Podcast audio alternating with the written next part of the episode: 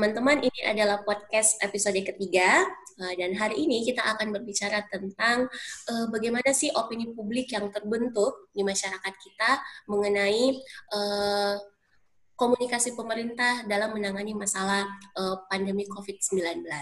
Hari ini uh, saya uh, ditemani oleh seorang perempuan yang cukup inspiring buat saya. Ada Kak Endang, uh, dosen muda, kreatif, sangat aktif, uh, dan juga uh, komisioner KPU ya Kak, kalau tidak salah ya. Yeah. Jadi uh, buat uh, pengalaman uh, secara politik praktis, uh, dia sudah banyak uh, menggeluti. Well, uh, Kak Endang, uh, apa kabar ini Kak selama WFH? Alhamdulillah baik. Masih di rumah, alhamdulillah masih sehat. Janda bagaimana? Sehat-sehat? Alhamdulillah Kak, baik-baik. Uh, makanya butuh uh, banyak kegiatan yang kreatif supaya kita tidak bosan di rumah. Iya, dan menurut saya langkah yang Jana ambil ini luar biasa, keren sekali. Terobosan uh, bagi sistem pendidikan kita tidak berhenti dengan uh, apa keterbatasan prasarana tidak berhenti dengan itu semua keterbatasan kondisi pembatasan sosial tetap berlaku dan pembelajaran tetap jalan ya iya ini ini keren iya iya power of itu Iya betul sekali kak. Karena kan kalau misalnya kita harus pakai media yang mahasiswanya harus kumpul semua agak susah juga. Jadi kalau misalnya mereka bisa cukup mendengarkan saja, mereka bisa belajar, makin banyak yang bisa mendengarkan, makin banyak yang bisa belajar. Kayak gitu maksud saya kak Endang. Well, kak Endang, uh, saya ini uh, kalau kita lihat-lihat nih uh, informasi yang sekarang uh, beredar uh, ketika kita uh, berada di dalam uh, pandemi ini. Uh, ada banyak hal yang unik sebenarnya yang terjadi. Misalnya pro dan kontra dari masyarakat tentang misalnya pemerintah tidak cukup konsisten deh dalam masalah penanganan atau misalnya pemerintah tidak cukup terbuka dalam hal data atau misalnya banyak sekali yang menganggap bahwa kebijakan yang diambil pemerintah tidak sesuai misalnya dengan uh, peruntukannya. Jadi ada banyak sekali asumsi-asumsi yang kemudian beredar di masyarakat. Dampaknya masyarakat terkadang misalnya mengeluarkan kritikan pro atau kontra mereka melalui media sosial atau mereka langsung bisa mencap dari uh, berita-berita yang mereka dengarkan. Artinya masing-masing orang punya asumsi yang berbeda terhadap apa yang disampaikan sama pemerintah. Ini kalau dari kajiannya Kak Endang, ini dikenal dengan istilah apa ini Kak sebenarnya? Um, ya, karena sebenarnya kalau apa yang berkembang dalam uh, pandangan masyarakat, apa uh, pendapat yang beredar di pandangan masyarakat sama sebenarnya yang mungkin teman-teman di HI juga pelajari. Uh, ini kita bicara tentang pola komunikasi politik khususnya pada uh, pembahasan tentang opini publik. Mm-hmm. Jadi uh, bagaimana um, pendapat yang kemudian berkembang dalam publik uh, terkait dengan langkah kebijakan yang diambil oleh uh, pemerintah atau dalam respon sebuah uh, hal terkait kebijakan terkait uh, persoalan politik. Nah, uh, itu opini publik. Bagaimana pendapat publik terkait dengan hal-hal tersebut? Nah, jadi uh, jadi kak uh, sah-sah saja ya masyarakat misalnya pro atau kontra sama satu kebijakan. namanya negara demokrasi, yang namanya pro kontra itu sebuah hal yang biasa. Yang jadi pertanyaan justru adalah ketika negaranya demokratis, tetapi kemudian uh, pendapatnya seragam, wah ada apa-apa itu biasanya kalau seperti itu. Iya. Jadi uh, selama uh, apa negara kita masih riuh dengan perbedaan pendapat itu sebuah tanda-tanda bahwa demokrasi kita masih sehat. Mm, iya, nah, betul, betul, demokrasi betul. kita justru sakit ketika kemudian yang ada adalah keseragaman uh, pendapat, yang ada adalah keseragaman uh, apa lagi namanya cara pandang di dalam melihat sebuah persoalan. Itu jangan sampai bukan karena kehendak mereka untuk seragam berpikir seperti itu, tapi mereka dimobilisasi untuk seperti itu atau ada hmm. tekanan kemudian terjadi seperti itu. Nah, ketika orang bebas menyampaikan uh, aspirasinya, orang uh, bebas menyampaikan dia pro, dia kontra, dia tidak sepakat, dia sepakat dengan sebuah kebijakan atau persoalan, artinya uh, dari sisi demokrasi kita bisa melihat negara kita sangat sehat dalam hal proses demokrasi. Artinya orang tidak tertekan untuk kemudian mengeluarkan uh, pendapat. Oke okay, deh.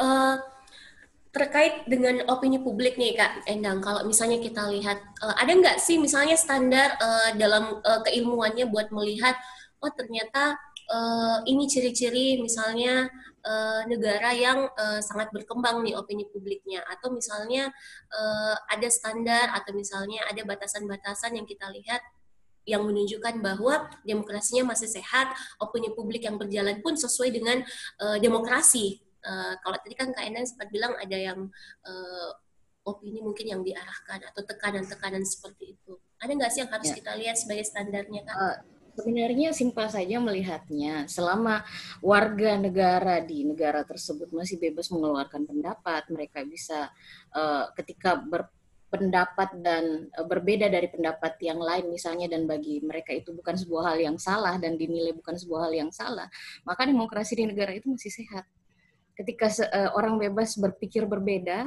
orang bebas menyampaikan dia sepakat dia tidak sepakat dia pro dia kontra terhadap sebuah kebijakan maka kita bisa melihat bahwa negara itu cukup demokratis. Artinya tidak ada tekanan bagi warganya untuk kemudian uh, mengeluarkan pendapat mereka terhadap sebuah persoalan.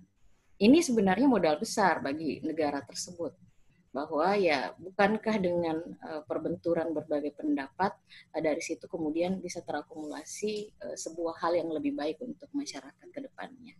Yang jelas itu di uh, perbedaan gagasan itu didialogkan, didiskusikan, uh, tidak kemudian ketika ada yang berbeda lantas kemudian uh, itu dianggap sebagai sebuah hal yang salah dan orang harus seragam dengan apa yang yang uh, berkembang secara umum. Artinya memang ada uh, iya silakan lanjut kak. Justru sehatnya ya ketika semua orang kemudian diberikan kesempatan untuk berpendapat seperti yang uh, konstitusi kita kan juga mengatur tentang itu kemerdekaan berserikat dan mengeluarkan pendapat secara lisan maupun tulisan. Jadi kalau orang riuh misalnya di medsos, orang riuh misalnya uh, di apa di dunia nyata, orang riuh dalam pembicaraan di warkop di uh, WhatsApp grup dan juga di Twitter, Facebook, Instagram uh, dan itu sifatnya misalnya melakukan uh, kritik atau menyampaikan sikap mereka pro dan kontra ya itu biasa saja.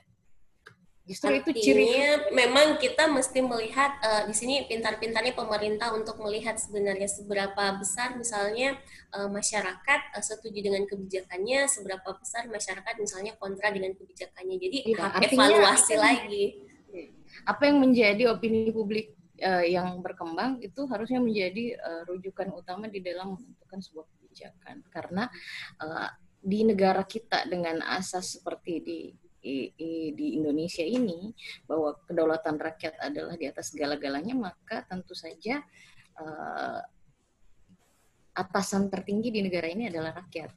Jadi apa yang berkembang uh, itu yang kemudian uh, harusnya menjadi pijakan utama di dalam merumuskan sebuah kebijakan.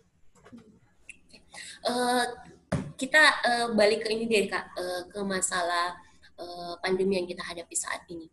Uh, kemarin kan sempat uh, agak bersih tegang juga nih uh, di media sosial ketika uh, Satgas COVID sempat uh, mengucapkan uh, mohon maaf soal itu saya mungkin kata-kata yang menyinggung masyarakat dengan terminologi si kaya dan si miskin misalnya. Uh, itu kemudian membuat masyarakat bergejolak nih loh kok uh, pandemik dihubungkan dengan masalah status sosial misalnya seperti itu. Yeah. Jadinya kan kecenderungannya masyarakat kemudian merasa ah tidak percaya bahwa pemerintah melakukan uh, proses penanganan yang uh, tepat atau misalnya pemerintah uh, tidak mendengarkan semua uh, kebutuhan dan opini-opini yang beredar di masyarakat. Itu gimana kita melihatnya? Um, ya, terkait kemarin dengan adanya pilihan diksi kaya dan miskin, uh, mungkin kalau dari sisi opini publik ya, dari sisi uh, opini publik, mungkin um, persoalannya pada bagaimana sang jubir ini kemudian melakukan komunikasi ke publik. Uh, sang jubir itu seharusnya seharusnya sangat berhati-hati di dalam memilih diksi, apalagi dalam kondisi krisis seperti saat ini. Nah, uh, kemarin di kelas yang uh, ketika diundang di kelas uh, politik juga saya diskusi dengan teman-teman mahasiswa ilmu politik. Di situ saya sampaikan bahwa uh, untuk menjadi seorang juru bicara khususnya dalam kondisi yang krisis ada lima hal yang harus dimiliki oleh seorang juru bicara. Lima hal itu uh, saya istilahkan misalnya dengan uh, 5C ya. Yang pertama care, kemudian yang kedua komitmen, yang ketiga konsistensi, yang keempat clarity dan yang kelima adalah uh, cooperation. Nah, uh, ini lima prinsip yang sebenarnya harus dipegang oleh dikuasai betul oleh seorang juru bicara ketika dia harus menyampaikan informasi mewakili lembaga pemerintah atau lembaga resmi, lembaga formal kepada publik khususnya dalam kondisi krisis.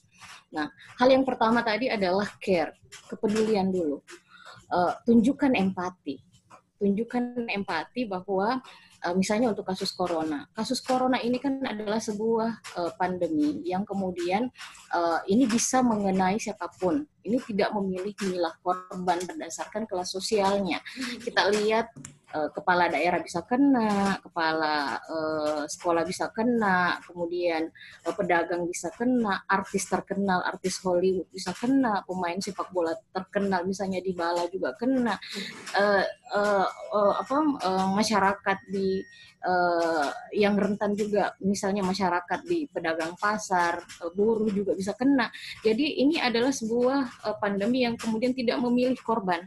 Ini uh, tidak memilih kelas sosial. Semua kita semua beresiko terpapar. Kita semua beresiko kena. Dan kemudian ini adalah musuh bersama kita.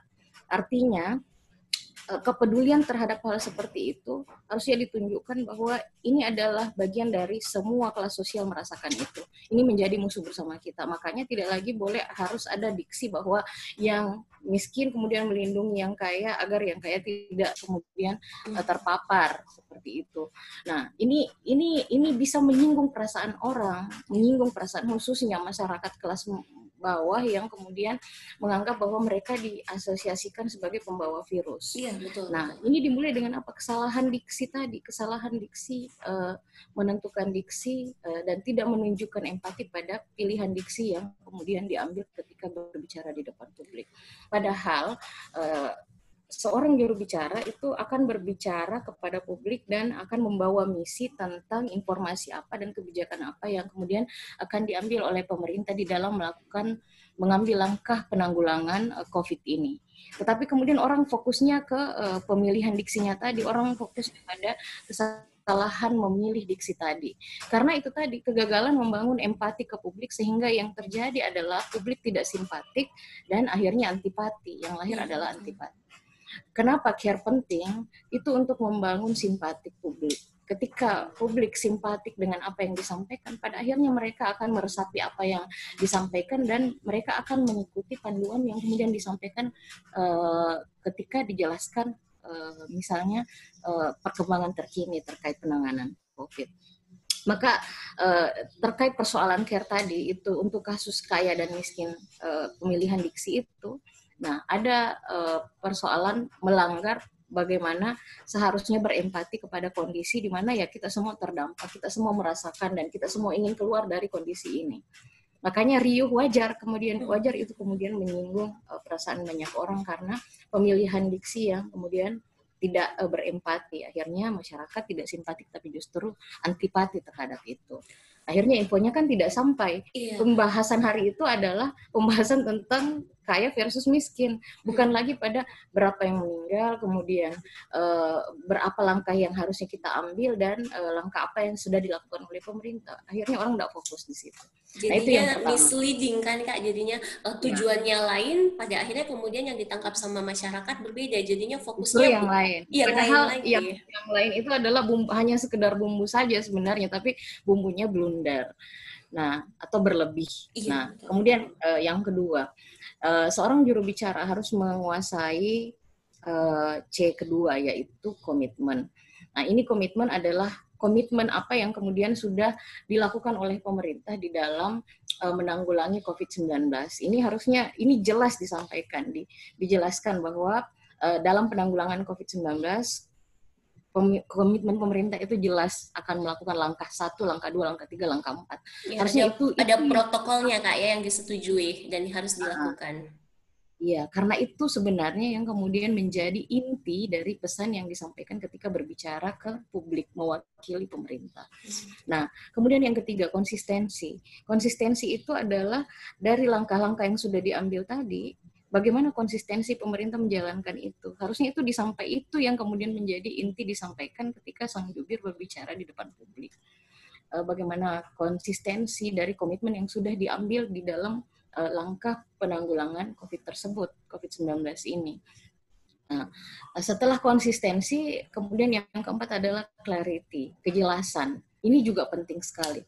Uh, sang, harus jelas menyampaikan informasi. Uh, apa uh, versi pemerintah seperti ini. Uh, itu dari mana sumbernya, bagaimana uh, halnya, sehingga polemiknya tidak tidak meluas ke mana-mana. Ada kalaupun misalnya ada versi lain di luar, maka uh, yang disampaikan versi pemerintah itu harus disampaikan sumbernya seperti ini, ini hasil rapat terbatas misalnya dengan lembaga ini, lembaga ini, lembaga ini, kemudian disampaikanlah bahwa seperti tadi. Tidak lagi kalimat yang dikeluarkan itu menjadi ambigu. Jadi fokus saja pada apa yang sebenarnya menjadi inti yang ingin disampaikan ke publik. Uh, uh, khususnya masalah kaya dan miskin tadi itu bumbu yang seharusnya tidak ada, yang akhirnya mengganggu campuran dari yang seharusnya tadi sudah jelas semua yang disampaikan dari awal sampai akhir sudah sudah uh, jelas semua, sudah sesuai uh, prosedur, tetapi kemudian blunder di akhir karena uh, menambahkan sesuatu yang kemudian tidak perlu. Nah, harusnya kembali lagi berfokus lagi pada apa sih sebenarnya misi yang harus disampaikan ketika berbicara di depan mic tadi.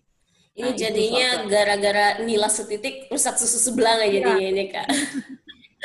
gara-gara terus setelah uh, berbait-bait paragraf yang sudah disampaikan sudah di dibangun awal. di awal sudah dibangun di awal uh, kemudian yang terakhir itu uh, selain clarity adalah kom, uh, apa cooperation bagaimana kemudian um, seorang juru bicara mengajak kerjasama semua pihak di dalam menanggulangi COVID-19. Makanya di awal penting sekali bangun empati dulu, kemudian tutup dengan ajak bersolidaritas. Ya, betul. Kan dari lima struktur itu tarik dulu simpatiknya dengan simpati uh, publik dengan mencoba berempati di posisi publik saat ini, kemudian kasih jelas informasinya, sampaikan konsistensi pemerintah, eh, langkah-langkah yang sudah diambil, perjelas informasinya, kemudian kunci itu dengan pernyataan ajakan solidaritas karena tidak bisa eh, kondisi hari ini itu diselesaikan sendiri oleh pemerintah misalnya. Kita harus bergandengan tangan, kita harus bergotong royong melibatkan semua kalangan untuk berpartisipasi eh, menanggulangi COVID ini. Partisipasi sederhana yang paling bisa dilakukan oleh masyarakat adalah mematuhi protokol penanganan COVID misalnya tetap stay di rumah, uh, tidak men, apa menjaga physical distancing dengan orang di luar, kemudian rajin cuci tangan dengan hal-hal sederhana itu, tetapi itu bisa dibangkitkan dibangkitkan kesadaran itu kesadaran kolektif untuk sama-sama bersolidaritas ketika di awal sudah menarik simpati dari publik untuk mendengarkan apa yang disampaikan. Jadi jadi uh, seperti tadi, bagaimana membangun cooperation di akhir, membangun, mengajak semua bersolidaritas, mengajak bahwa ini adalah tugas besar yang harus kita bergotong royong, mau tidak mau harus bergotong royong untuk sama-sama memikulnya. Makanya tidak boleh ada perbedaan uh, kelas sosial, tidak boleh ada hal-hal yang mengganggu yang seperti itu. Kerjasama lintas sektor sektor dalam hal ini harus terjadi. Kalaupun ada data yang berbeda, maka itu bisa dibicarakan dan bisa didiskusikan, didudukan bersama untuk dicari jalan keluarnya. Makanya dikunci seperti itu.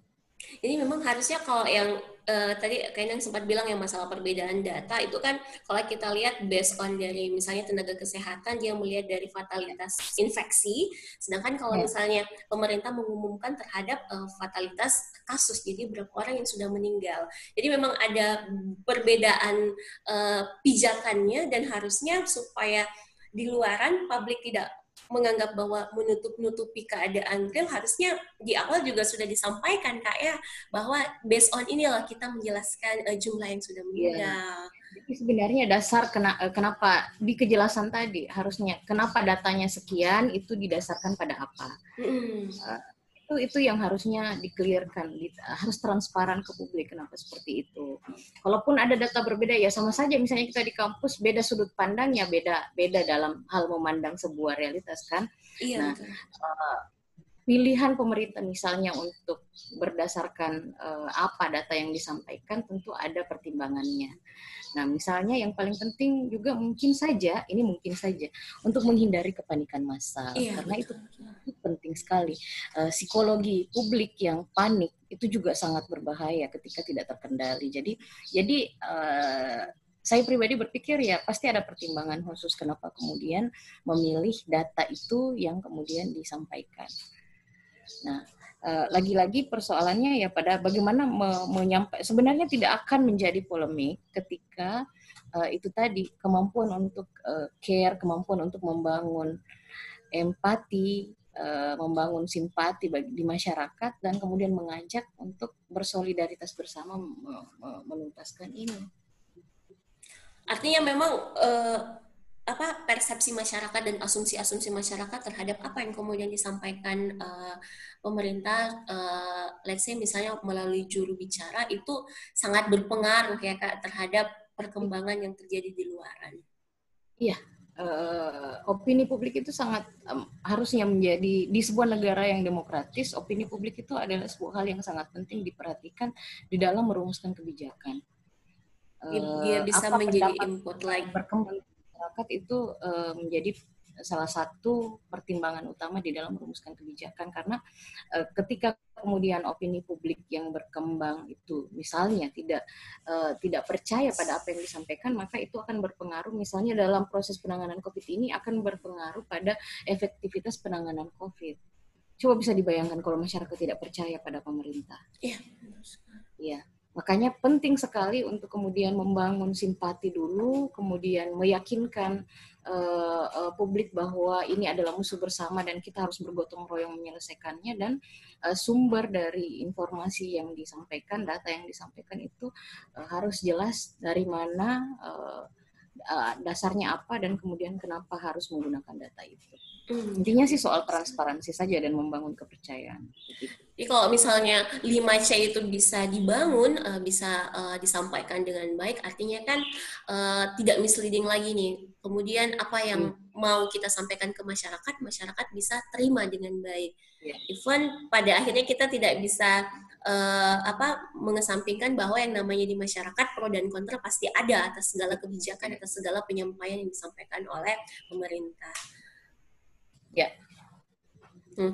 Oke, okay. uh, eh, Kak Endang, uh, kalau uh, sepanjang pemahaman uh, kakak nih uh, sebagai uh, yang ahli nih di bidangnya, menurut saya uh, tidak ahli, pendapat pribadi, uh, tidak mungkin.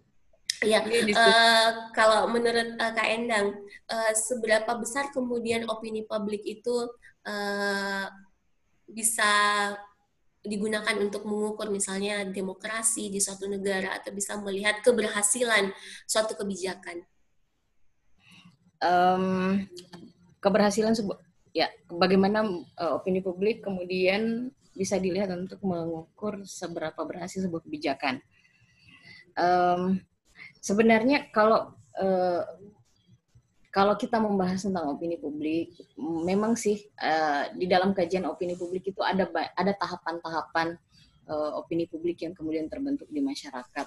Nah, kalau misalnya kita telusuri dari sejarahnya, opini publik itu kan uh, bermula dari ini kalau kita pakai perspektif uh, Barat misalnya ya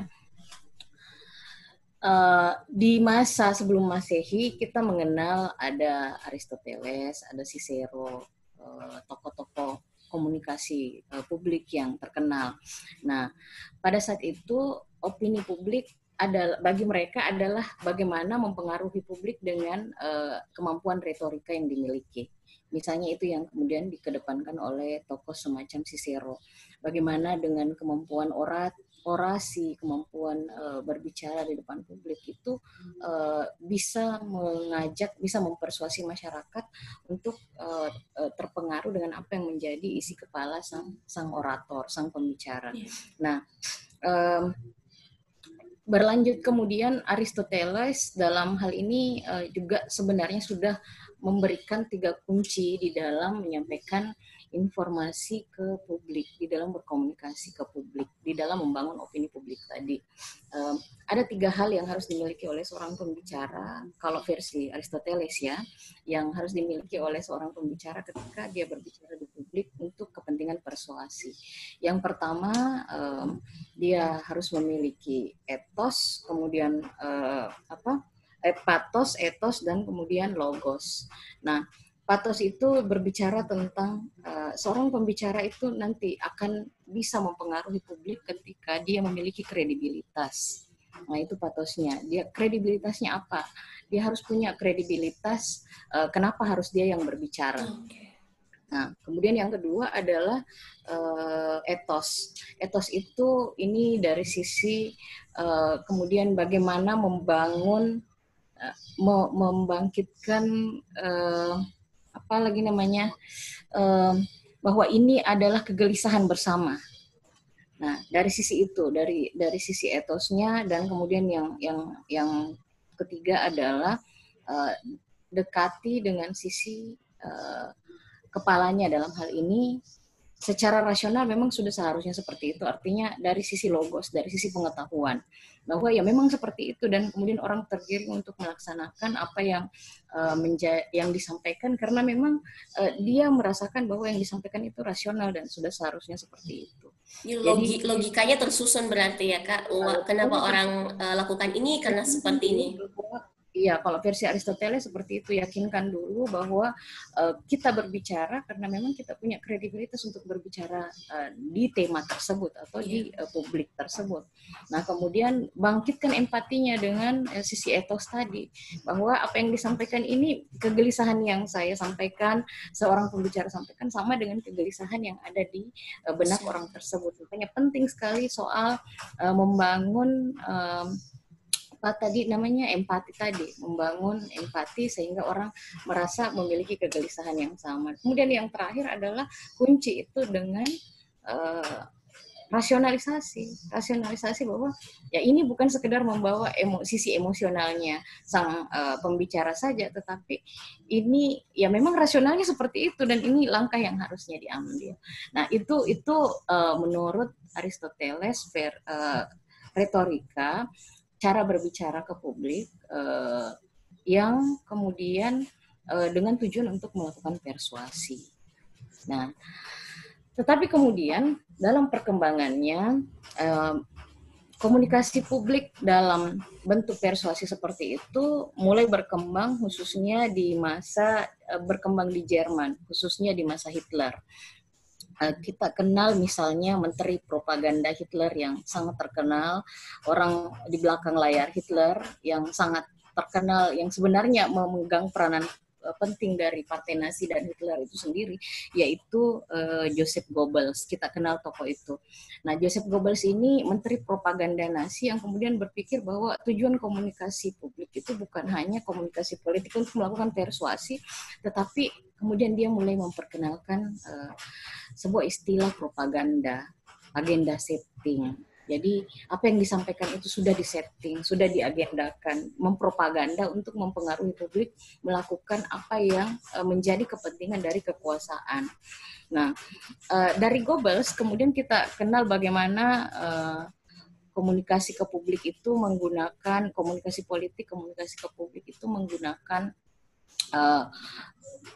pamflet, kemudian selebaran, kemudian flyer dan dan sebagainya eh, hal-hal uh, seperti itu.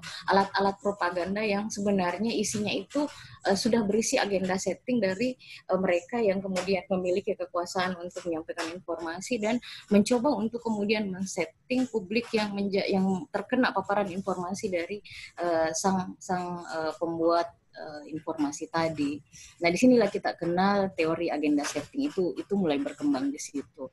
Uh, ternyata ya, yang disampaikan itu bisa disetting, bisa di uh, diatur sesuai dengan kepentingan dari yang kemudian mengeluarkan informasi. Nah, uh, itu tapi dengan pikiran tentu saja pada saat itu Gobel selalu berpikir begini. Ada kan kalimatnya yang sangat terkenal itu di dalam uh, kajian komunikasi politik bahwa kebohongan yang disampaikan berulang-ulang pada akhirnya akan diterima iya, sebagai kebenaran. Iya. Itu itu Goebbels yang yang memperkenalkan hal seperti itu. Dia dia betul-betul memanfaatkan um, psiko apa lagi namanya psikologi, psikologi dan uh, tidak mampuan publik untuk menyerap banyak sumber informasi untuk kemudian dia setting sesuai dengan kepentingannya makanya uh, dia mitoskanlah Hitler dia mitoskanlah nah partai nasi dan ini sebenarnya yang kemudian menyebabkan banyak penelitian menunjukkan bahwa uh, kemampuan propagandanya yang kemudian menyebabkan kemenangan partai nasi di Jerman pada saat itu. Dan bagaimana uh, Hitler betul-betul seperti menjadi mitos di sana. Nah karena persoalan itu. Nah ini ini banyak diadopsi. Bahkan hingga sekarang banyak yang menggunakan banyak yang berpikir cara-cara persuasi seperti itu.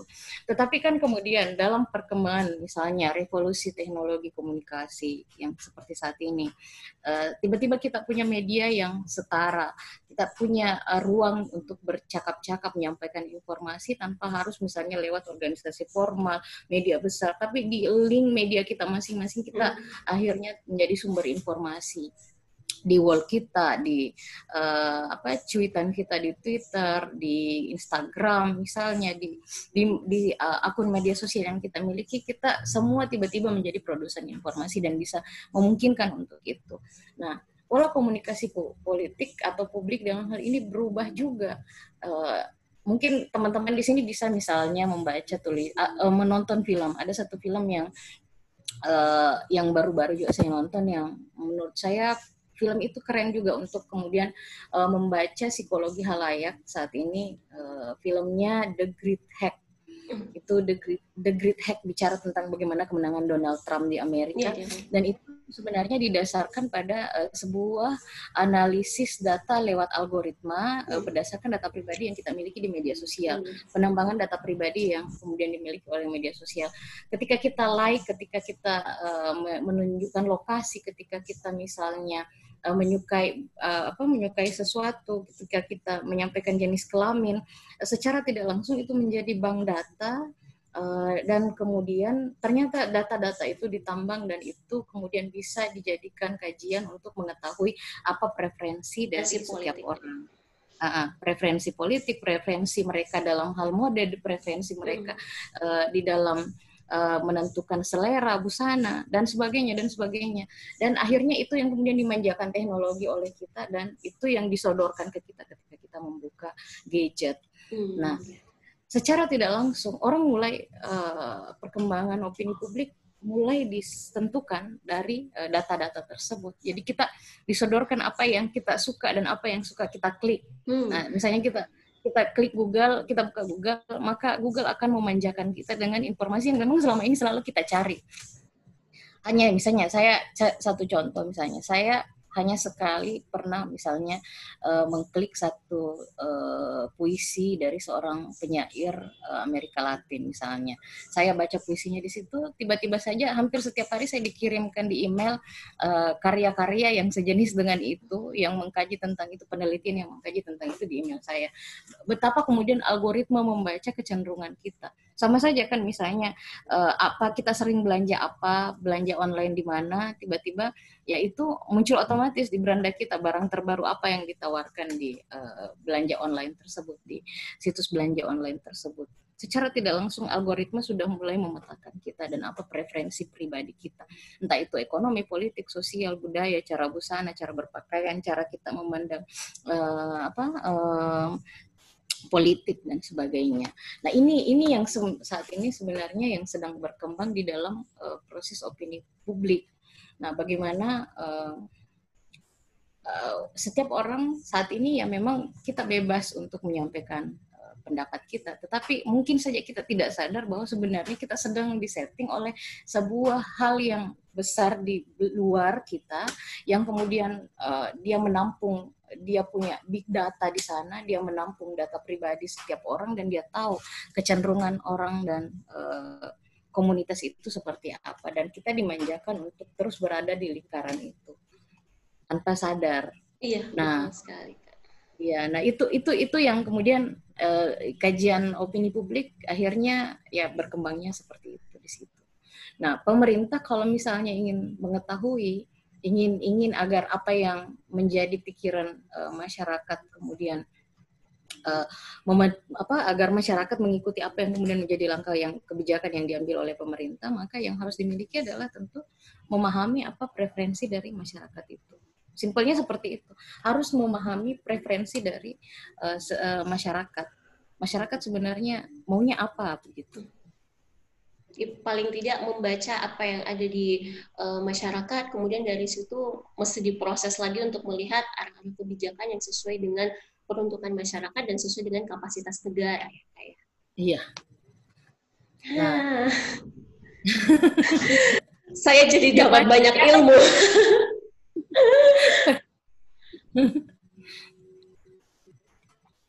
Oke, okay, uh, Kak Endang, uh, ini kan juga kita uh, dibatasi sama waktu nih.